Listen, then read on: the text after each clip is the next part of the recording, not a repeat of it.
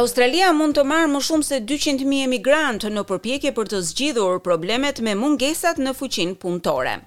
Gjendja është rënduar së tepërmi, sidomos pas COVID-19, periudhë gjatë së cilës vendi humbi një pjesë të mirë të emigrantëve.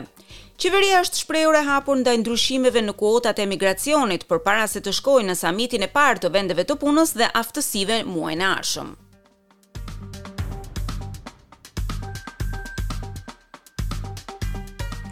Sektori i kujdesit për të moshuarit është një prej atyre që janë goditur rëndë nga mbyllja e kufinjve. Mungesat e stafit janë kthyer në një shqetësim kombëtar. E një fakt i tillë ushtron presion mbi stafin e mbetur, deri aty sa shumë prej tyre largohen plotësisht nga ky profesion. Një eksod i vërtetë i punëtorëve të superlodhur, siç shpjegohet nga drejtori i Anglicare në Sidni, Simon Miller. There's been a report recently that there's around sixty five thousand workers are leaving the sector every year. Ka patur një raport kohët e fundit sipas të cilit gjashtëdhjetë e pesë mijë punëtorë largohen nga ky sektor çdo vit. Nuk jemi të imunizuar nga kjo. Ka qenë një kohë e vështirë e na duhet të plotësojmë boshllëqet. Punëtorët e huaj janë një mënyrë shumë e rëndësishme për t'i mbushur këto boshllëqe. Ardhja e emigrantëve të aftë mund të ndalojë rënien në humnerë për Australinë. dhe zoti Miller thotë se ka nevojë për garantimin e një lloji të ri vize, e cila do të synonte zgjidhjen e krizës në sistemin e kujdesit shëndetësor. We would be very keen to see the government support the sector with specific visas for aged care. There will be a demand on the sector for more. Ne jemi të etur për të parë që qeveria ta mbështesë sektorin tonë me viza specifike për kujdesin për të moshuarin. Do të ketë një kërkesë të lartë për punëtorë në këtë sektor. Kjo do të thotë se kemi më shumë nevojë për punëtorë të huaj. Kemi nevojë për një vizë specifike e cila do t'i vinte në ndihmë plotësimit të këtij boshllëku. E qeveria me sa duket po shqyrton një rritje të kuotës së emigracionit, e në diskutim është një shifër deri në dyqind mijë vende. Ministri i Aftësive dhe Trajnimit Brendan O'Connor thotë se ka një angazhim të veçantë të qeverisë së tij për të zgjidhur problemet me mungesat e fuqisë punëtore. We're open to making sure we supply labour and skills in this country. We understand, in fact, according to the OECD, Jemi të hapur për t'i siguruar vendit fuqi punëtore.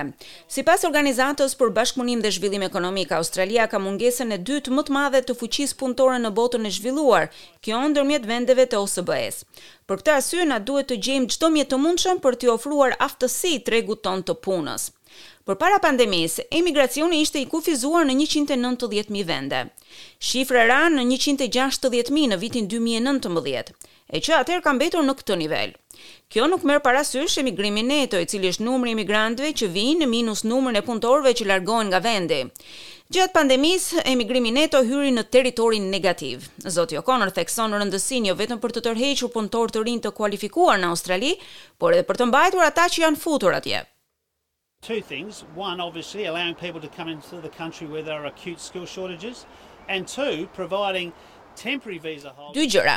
Njëra është padyshim t'i lejosh njerëzve që të vijnë në këtë vend, sidomos kur ka mungesa në tregun e punës. E dyta është t'i japësh atyre personave që kanë viza të përkohshme një rrugë drejt qëndrimit të përhershëm, që padyshim i jep atyre një mundësi për të vendosur të qëndrojnë. Por nga ana tjetër, statusi i punëtorëve emigrantë dhe i atyre që kanë viza të përkohshme është një shqetësim për sindikatat, të cilat kujdesen për t'u siguruar që punëtorët ndërkombëtarë të mos reduktojnë një alternativë më të mirë për punëtorët vendas.